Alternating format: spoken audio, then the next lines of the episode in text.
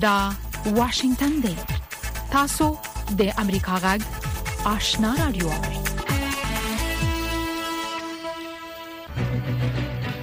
قدرمن اوریدونکو السلام علیکم زه شافیا سردار یم دا د امریکا جغ آشنا رادیو خبرونه پیښه لومړی به خبرونه واوري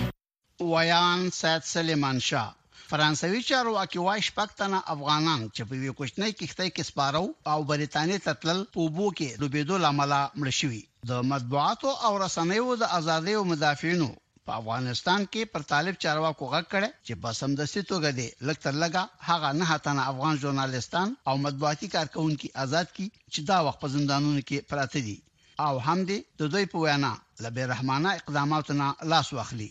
د مطبوعاتو مدافعین وایي چې د طالبانو د حکومت د کورنۍ چارو د وزارت د استخباراتو عمومي ریاست یا جي ډي آی په روانه اونۍ کې په قندوز او جلال آباد کې د ازادو رادیوي او تلویزیوني شبکو پر دفترونو چاپو په دوران کې پنځه تنه ژورنالیستان په خارج کې مېشتو افغان رسنیو لپاره د رپوټونو د برابرولو په تور ونیول. له بل پلوه د روادارۍ په نوم د بشري حقوقو یو سازمان نن د یکشنبې په ورځ د اګست په دیارلسمه چې د زمري دوه ویشتمه کېږي په افغانستان کې د دوه زره درې سوي کال د لومړیو شپږو میاشتو په موده کې د بشري حقوقو د وضعیت په اړه په یوه تفصیلي رپوټ کې چې په اتیشتو پاڼو کې خپور کړی ویلي چې د طالب چارواکو د ځینو کړنو له امله د بشري حقوقو وضعیت لا زیات خراب شوی. په جرمني کې میشتو یو شمېر افغانانو په افغانستان کې د سولې او ثبات د ټینګولو په ملاتړ لاریون وکړ. د طالبانو د حکومت د کار او ټولنیزو چارو وزارت سه شنبه د زمري څلېرشتمه چې د اګست پنځلسمه کېږي د دوه زره یوویشت میلادي کال د اګست په پنځلسمه په افغانستان کې قدرت ته د طالبانو د رسېدو په مناسبت عمومي رخصتي اعلان کړه. زمونږ غږ له واشنګټن نه اورئ. د اوو موټرو یو کاروان چې چینايي اتباع پکې سپاره وو، د پاکستان د بلوچستان صوبې د ګوادر په سیمه کې پرې برید شوی. پېښې له ځای نه د درندو چاودنو او د ټوپکو د ډزو اوازونه اورېدل شوي. د بلوچستان د ازادۍ پوځ چې وسله والې پاکستاني ځواکونو پر خلاف جنګېږي، د ننني برید مسوولیت په غاړه اخیستی، خو د تلفاتو په اړه لا تر اوسه معلومات نه دي ورکړل شوي. د متحده ایالاتو د هوایي ایالت په ځنګلونو کې د اورونو د لګېدو له کبله د مړو شوو کسانو شمېر د شنبې په ورځ د زمري په یوویشتمه نهه اتیاوو ته ورسېدو. دوه زره او دوه ویشت ودانۍ یا په بشپړه توګه سوځېدلي او یا زیانمنې شوې دي. د نایجریا یو هیات چې مشري یې د هغه هېواد د اهل حدیثو یو دیني عالم عبداللهي بالالاو په غاړه وه، د شنبې په ورځ یې د نیجر د پوځي جنټا د مشر جنرال عبدالرحمن سیاني د نوموړي له خوا نومول شوي صدراعظم علي ماهان لامیني زیني په ګډون د هغه هېواد له مشرانو سره ولیدل. د نيجر پوځيانو تېره مياشت قدرت ونيو او د جمهور رئيس محمد بازون ملکي حکومت يې رانسکور کړ. افريقايي هېوادونه زيار باسي چې دغه شخړه د مذاکراتو له لارې حل و فصل کړي. چينايي چارواکو دغه هېواد په جنوبي ختيځ کې له درندو بارانونو وروسته او د ځمکې د ښويېدو له امله يو اتیا زره خلک خوندي ځايونو ته انتقال کړي دي. د شنبې په ورځ يو پياوړي سمندري توپان هم د چين شمالي ختيځې ساحلي برخې وځپلې. د چین د بهرنیو چارو وزارت نن د یکشنبې په ورځ په یوه بیانیه کې په نیویارک کې د تایوان د جمهوري رئیس د مرستیال ویلیم لای د تم کېدو سره بې له ځنډه مخالفت څرګند کړی او د کوټولو ځوابي اقداماتو خبرداری ورکړی لای چې پاراګوای ته په سفر وتلی د شنبې په ورځ د نیویارک په نړیوال هوایي ډګر کې تم شو په مالیزیا کې پرون د شنبې په ورځ په درېو ایالتونو کې له انتخاباتو وروسته د صدراعظم انور ابراهیم په مشرۍ واکمن څوګوندیز ائتلاف او اسلامپالو ګوندونو خپل خپل سیټونه خوندي وساتل. توقع ده چې د جورجیا ایالت یوه دولتي څارنواله به د دوه زره شلم عیسوي کال د جمهوري ریاست په انتخاباتو کې له ناکامۍ وروسته پخواني جمهور ډانلډ ټرمپ او د هغه د څو ملګرو لخوا په غیرقانوني توګه د رایو د ګټلو د هڅو په تور دعوا د فیصلې لپاره رسماً ستر منصفه هیئت ته وړاندې کړي او د محاکمې غوښتنه به وکړي. او د سیاسي چارو لپاره د طالبانو د حکومت د رئیس الوزرا مرستیال مولوي عبدالکبیر وايي، څلور سوه پنځوس افغان پروفیسران او استادان چې بهرنیو هېوادونو ته د ماسترۍ او دوکتورا د لاسته راوړلو په خاطر تللي و، بېرته خپل هېواد ته راستانه شوي دي. د خبرونو پای.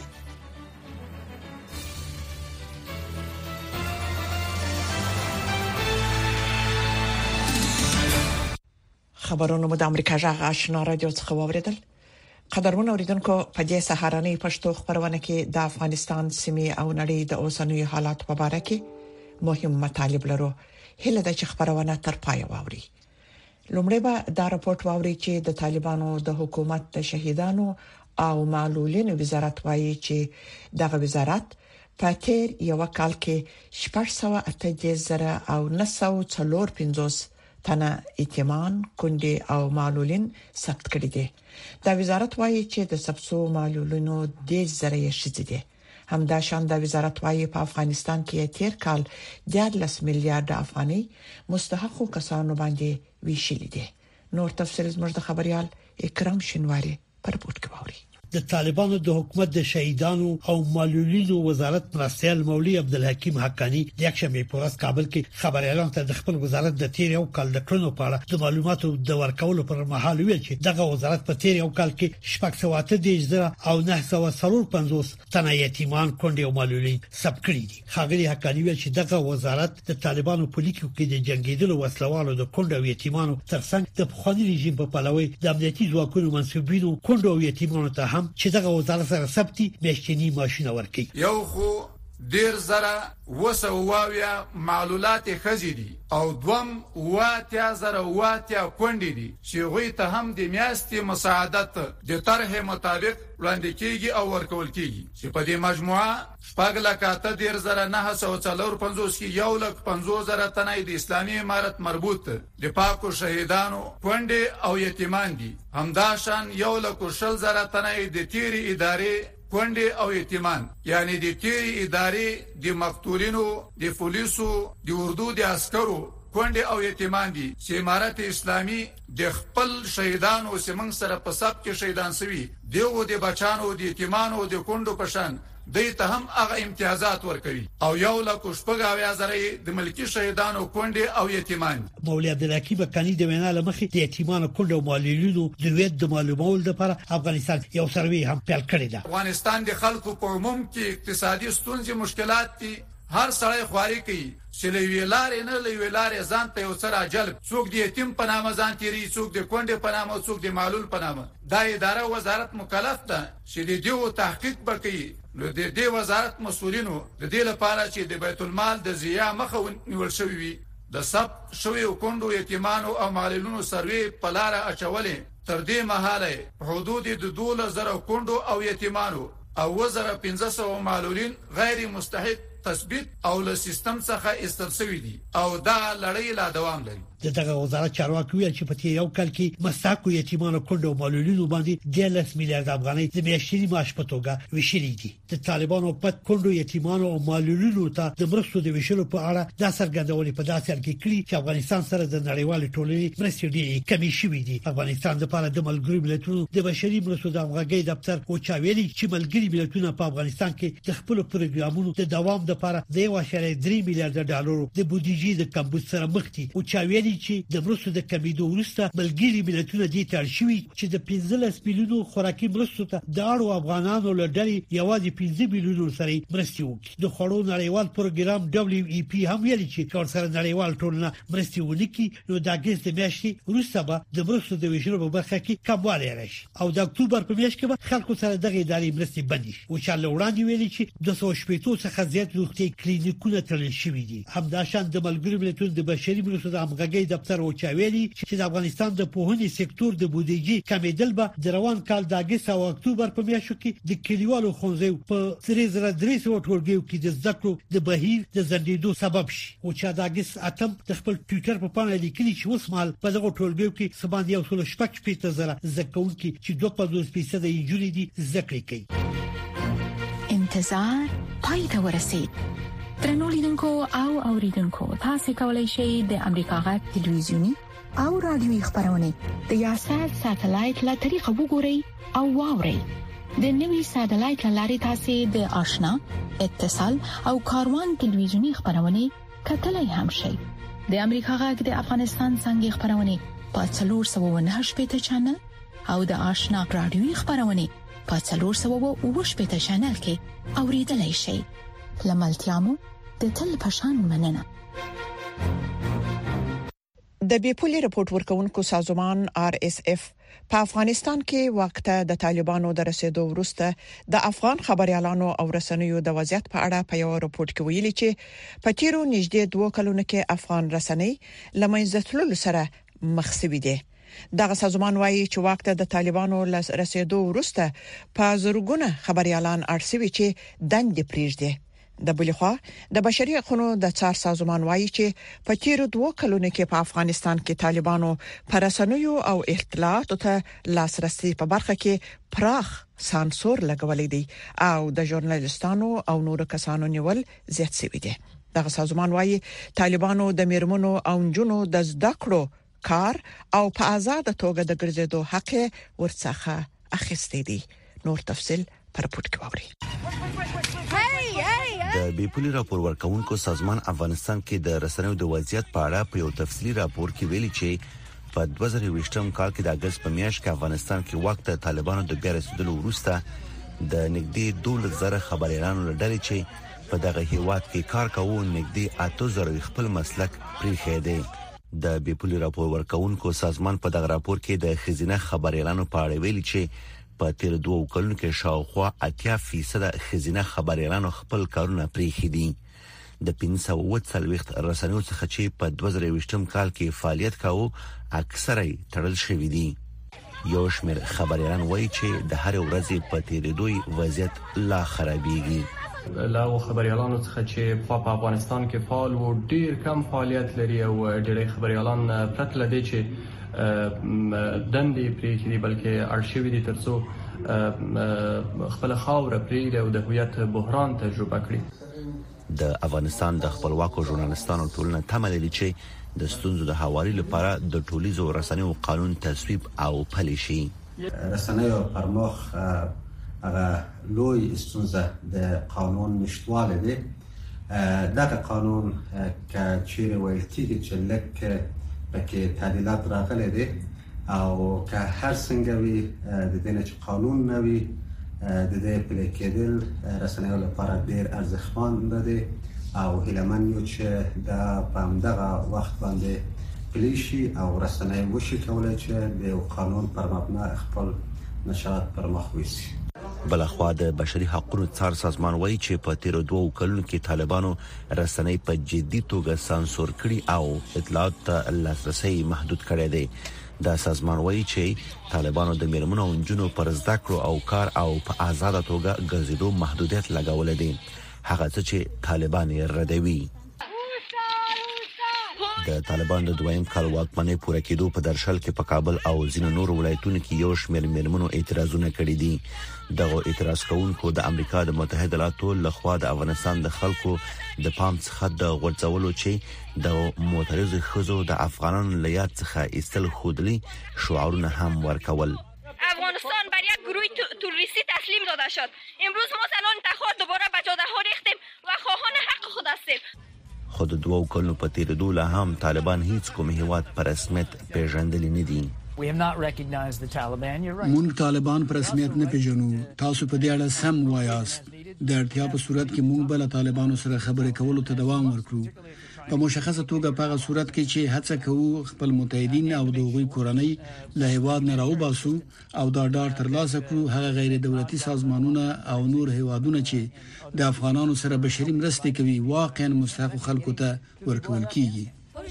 طالبان د واک تر لاسه کولو سره سم په افغانستان کې په خلکو په ځانګړي ډول ښځو او نجونو باندې سخت محدودیتونه لګولې دي خو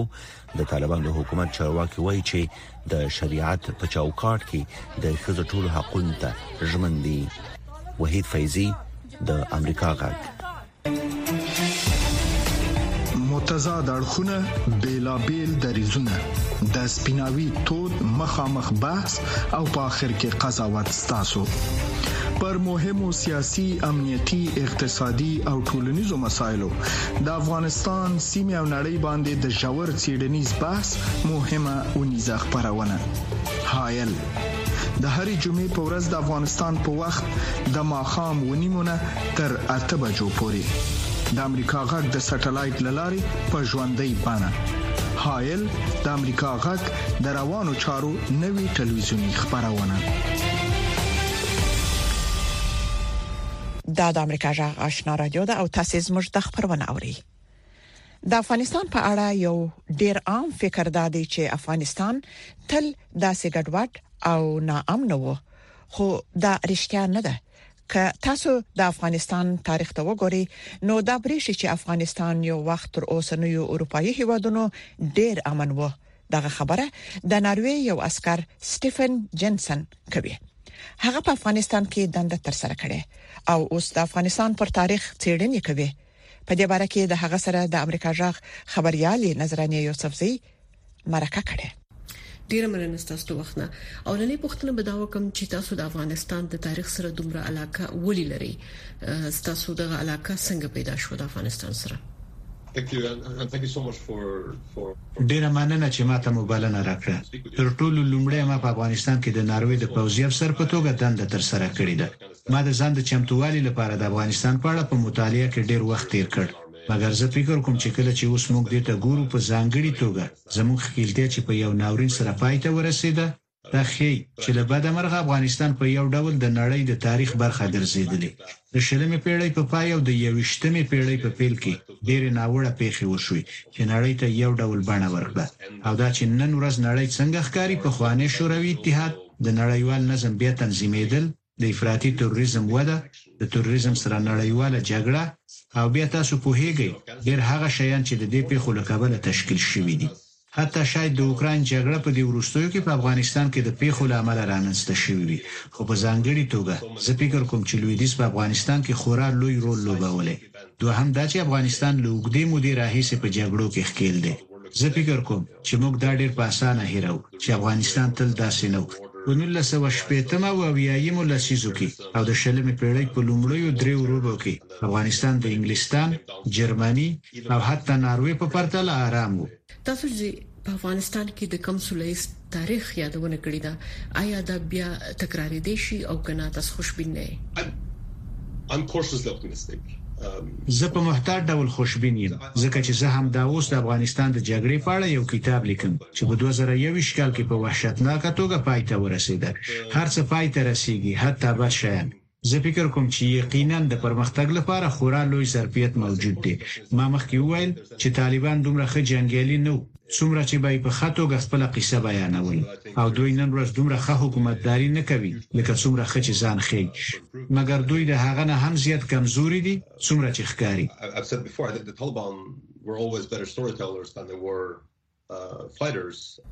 تاسو په خپل تحقیق کې په څه باندې زیات تمرکز کړی دی؟ زه په دوه شیانو تمرکز کوم، یو دا چې د افغانستان د جګړې د تاریخ او یا هم د نړۍ د حالاتو په اړه د خپل فکر لپاره مهالویش وغځوم. تر څو د دې پر ځای فکر وکړو چې هر څه له جګړې له پیل راهیسې پیل شوي. زه دغه تاریخ له جګړې نه د مخکې وخت څخه پیلوم، زه یې د نولس سوه درې پنځوس نه پیلوم، ځکه چې دا قیصه ډېره پېچلې کوي. زه فکر کوم یو ډېر عام فکر دا دی چې افغانستان تل داسې و، چې افغانستان تل ګډوډي او تاوتریخوالی درلود. دا رښتیا نه دي، که تاسو د افغانستان تاریخ ته وګورئ. زه هم فکر کوم چې دا د څلوېښت کلنې جګړې قیصه ډېره پېچلې کوي او په ځانګړي توګه په تېرو شلو کلونو کې چې کومه جګړه وشوه، داسې به ډېرې خبرې کېدې چې د طالبانو بېرته راتګ حتمي دی، بیا دا چې ولسواکي به خاماخه د ناکامۍ سره مخ کېږي، نو کله چې تاسو دغه نظرونو ته وګورئ، نو داسې ښکاري چې د پایلې په اړه یو باور موجود و چې د همدې باور له امله هغه پایله رامنځته شوه. د افغانستان د جګړې نه څه ډول درسونه زده کولای شو؟ زه فکر کوم هغه درسونه چې خلک یې په اړه اکثره خبرې کوي هغه د نظامي مداخلې سره تړاو لري او زه فکر کوم چې یقینا د نظامي مداخلې په اړه ځینې درسونه موجود دي مګر زه فکر کوم چې ډېر سخت درسونه او نړیوال درسونه موجود دي دا هغه چې تاسو پوهیږئ یو ځل چې تاسو دولتي بنسټونه مات کړئ دا سخت مشکل کار دی چې هغه بیرته جوړ شي یو ځل چې تاسو افراطیانو ته دروازې خلاص کړئ او یو منځ لار پای ته ورسی نو دا بیا ډیره ستونزمنه ده چې هغه لار بیرته ومومئ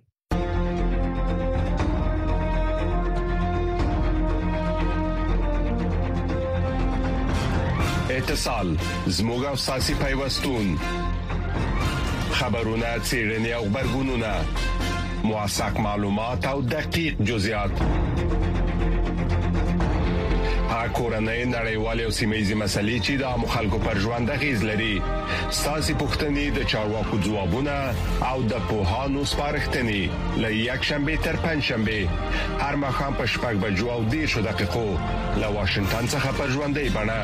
د سټلایټ ټلویزیون او ټولنیزو شبکو لاري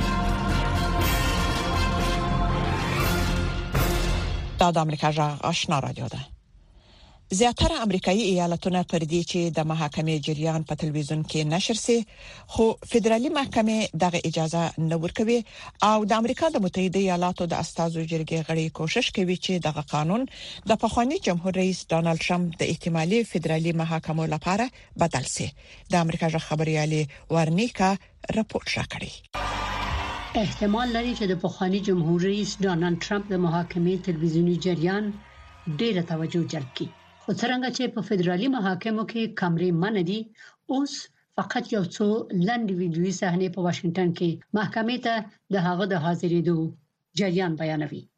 په تلویزیون کې د محاکمو د جریان د ښودلو د قانون بدلول به یو ډیر پیچلی بهیر وي خو څو دیموکرات وکیلان او حتی د ټرمپ مدافع وکیل جان لاورو استدلال کوي چې کمرې به په محکمه کې شفافیت لا بهتر کړي مګر برعکس د وال سټریټ ژورنال مدیره هیئت باوجود ځنې لکه الیزابت ویلیامز اندیښنه لري چې کمرې به د محاکمې په جریان منفي اغیزه وکړي. پخوانی فدرالي څارنوال مارک مکډال د دې نظر سره موافق دی. زما په فکر واقعاً کامرې په محاکمه کې په ګډون کوونکو، قاضیانو، قاضي، مدافع وکیلانو، شاهدانو او نورو باندې تاثیر اچوي. خو په امریکا کې نور بیا داسې استدلال کوي چې د سیاست ډیر زیات قطبي کیدل چې حتی په بیخي ساده او څرګندو واقعیتونو مشاجرې او بحثونه کیږي د کمرو موجودیت د حساب کتاب لپاره ګټه رسولی شي. که چیرې په محکمه کې کمرې نه وي څه چې قاضیان وايي امکان لري غلط ښکاره شي یا یو څوک چې دننه په محکمه کې وي غلط استازیتوب وکړي او یا کوم څه چې هلته واقع کیږي هغه له کانټیکس یعنې له اصلي مطلب نه وباسي او هغه څه خپاره کړي چې غواړي. ټرمپ به هغه وخت چې محکمې ته ځي د جمهوري ریاست کاندید وي. سیاستپوه دین لیسي وايي، مشکله ده چې سړی پیشبیني وکړي چې د محاکمې د جریان تلویزیوني کیدل به د هغه په محبوبیت څنګه اغیزه وکړي. کیدای شي د خپلو پلویانو زړونو ته قوت ورکړي او د ابتدايي انتخاباتي مبارزې په دوران کې د خبرو ډیر فرصت ترلاسه کړي. همدغه راز کیدای شي چې ډیر منفي اثر هم ولري. او کېدای شي ځان مقصر ثابت کړي امکان لري چې په مستقلو خلکو کې او خای د خپل زینو اصلي طرفداران ترمنځ هم خپل شهرت وبایلي د امریکا قریب ټول ایالتونه په خپل محاکمو کې کمرې پریدي د ډیرو مشهورو کسانو لکه د وجی سیمسن د محاکمې جریان چې د قتل تورونه پرې لګیدلي وو یا د پولیسو د صاحب منصب ډیریک شاون قضیه چې د جورج فلایډ په قتل متهم و راسن د تلویزیون نه خبرې ده توقع ده چې په ډونالد ترامپ باندې د انتخاباتو په ارتباط د تورونو محاکمه په دې هفته کې په جورجیا کې دایره شي او هلته د قاضیانو د صلاحیت په اساس کمرې شته دي زیبا خادم امریکا غږ واشنگټن د بدلون پر مهال کله چې د نړۍ وضعیت څرګند نه وي او کله چې اوریدل ل عیني واقعیتونو سره سمون نه خوري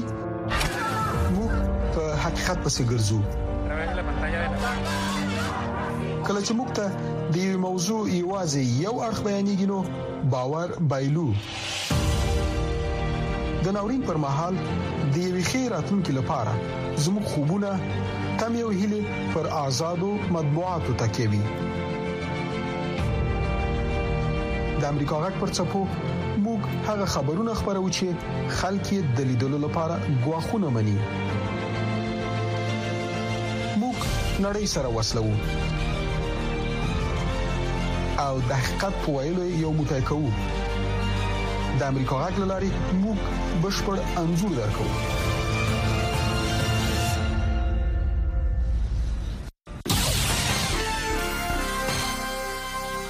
درنو اوریدونکو ته د امریکا غږ سر مقاله ده چې د امریکا د حکومت نظر څرګندوي وعده کاون چې شواهد خیر چې د خوځو د برابرۍ او قدرتوالۍ او د ملي ثبات ترمنځ مستقیم ارتباط لري مګر د ایران رژیم دغه ارتباط نه مني. د ایران د اخلاقي پولیسو په توقیف کې د 22 کلنې مهسا امیني د سپتمبر په میاشت کې د مړینې نه وروسته په هیواد کې احتجاجونه وشول. د دې د توقیف کېدو علت دا و چې د اسلامي حجاب له کود نه سرغړونه کړې وه. د زرګونو کسانو مشري ښځو کوله، مګر خپل څښتنان، زامن، ورونه او دوستان ورسره یو ځای شول، د امینې د مړینې له کبله لارو کوڅو ته راووتل او د هغه حکم په سر چې د ښځو نه غواړي چې اسلامي حجاب استعمال کړي چې خپل ویښتان پټ کړي او اوږد لباس چې خپل وجود باندې پټ کړي دغه مظاهرو کې د خزو ژوند ازادي شعارونه ورکول کېدل په اداري فساد په بد اداري او د رژیم د ځپلو په خلاف په احتجاجونو باندې بدله شوله. دا په نولس سوه نهاویایم کال کې د خپل بنسټ ایښودلو نه را په دې خوا د ایران د اسلامي جمهوریت ستر چلینج و. د ایران مشرانو په ځواب کې په موقت ډول د اخلاقي پلوسو ګزمې بندې کړې، مګر په بې رحمۍ سره یې احتجاجونه هم وځپل، پنځه سوه کسان په کې وژل شوي وو، شل زره تنه پکې توقیف شوي وو او لږ تر لږه و تنه اعدام شوي وو د محسا امینې د توقیف کېدو د کللې سنه وس دوه میاشتې د مخه د پولیسو مقاماتو اعلان وکړ چې سمدستي یې پیل کوي او دوی به په لومړي خبرداري سره په لارو کوڅو کې غزمې وهي او بیا به هغه خزه بندیانوي چې د جامو د نارم د ماتولو په باره کې مقاومت کوي دغه اعلان د مقاماتو د روان کال په سر کې د اقدام نه ورسته وشو چې د تجارت خونې هغه وتړلې چې تور ور باندې لګول شوې ده چې د هغو مشتریانو خدمت کوي چې له حجاب نه کار نه اخلي ورسره په دې یو شمیر معروف کسان د تعقیب سره مخامخ شوې دي د هنرمند آزاده سمدي په شمول په نامناسبه حجاب سره قانون نه سرغړونه کړې ده امریکا د ښځو د اجباري حجاب په باره کې په ایران کې د ښځو په خلاف د لویو ځپلو د راپورټونو په باره کې اندېښمنه ده. د بهرنیو چارو د وزارت نطاق ماتیو میلر ویلي، داسې ښکاري رژیم له تازه احتجاجونو نه هېڅ نه دي زده کړي. د ستراتیژیک کمونیکیشن لپاره د ملي امنیت منتظم جان کربي څرګنده کړه، ایراني ښځې باید په دې قادره وي چې د خپلو ځانونو لپاره پریکړه وکړي چې څرنګه به خپل عقیده سرته ورسوي او دوی به په عام محضر کې څنګه لباس واغوندي. امریکا لا پخوا د ایران د اخلاقي پولیسو په غړو او په هغو مرکزونو باندې بندیزونه لګولي دي چې د ایران په بیرحمه ځپلو کې لاس لري چې سره د احتجاج کوونکو وژلو او ټاپي کېدو ته ووته که موږ عقیده وکړو موږ ته په کار ده چې اضافي اقدامات وکړو چې پر رژیم باندې نور فشار راوړو موږ به دا کار وکړو درنو اوریدونکو دا و د امریکا غږ سر مقاله چې د امریکا د حکومت نظر څرګند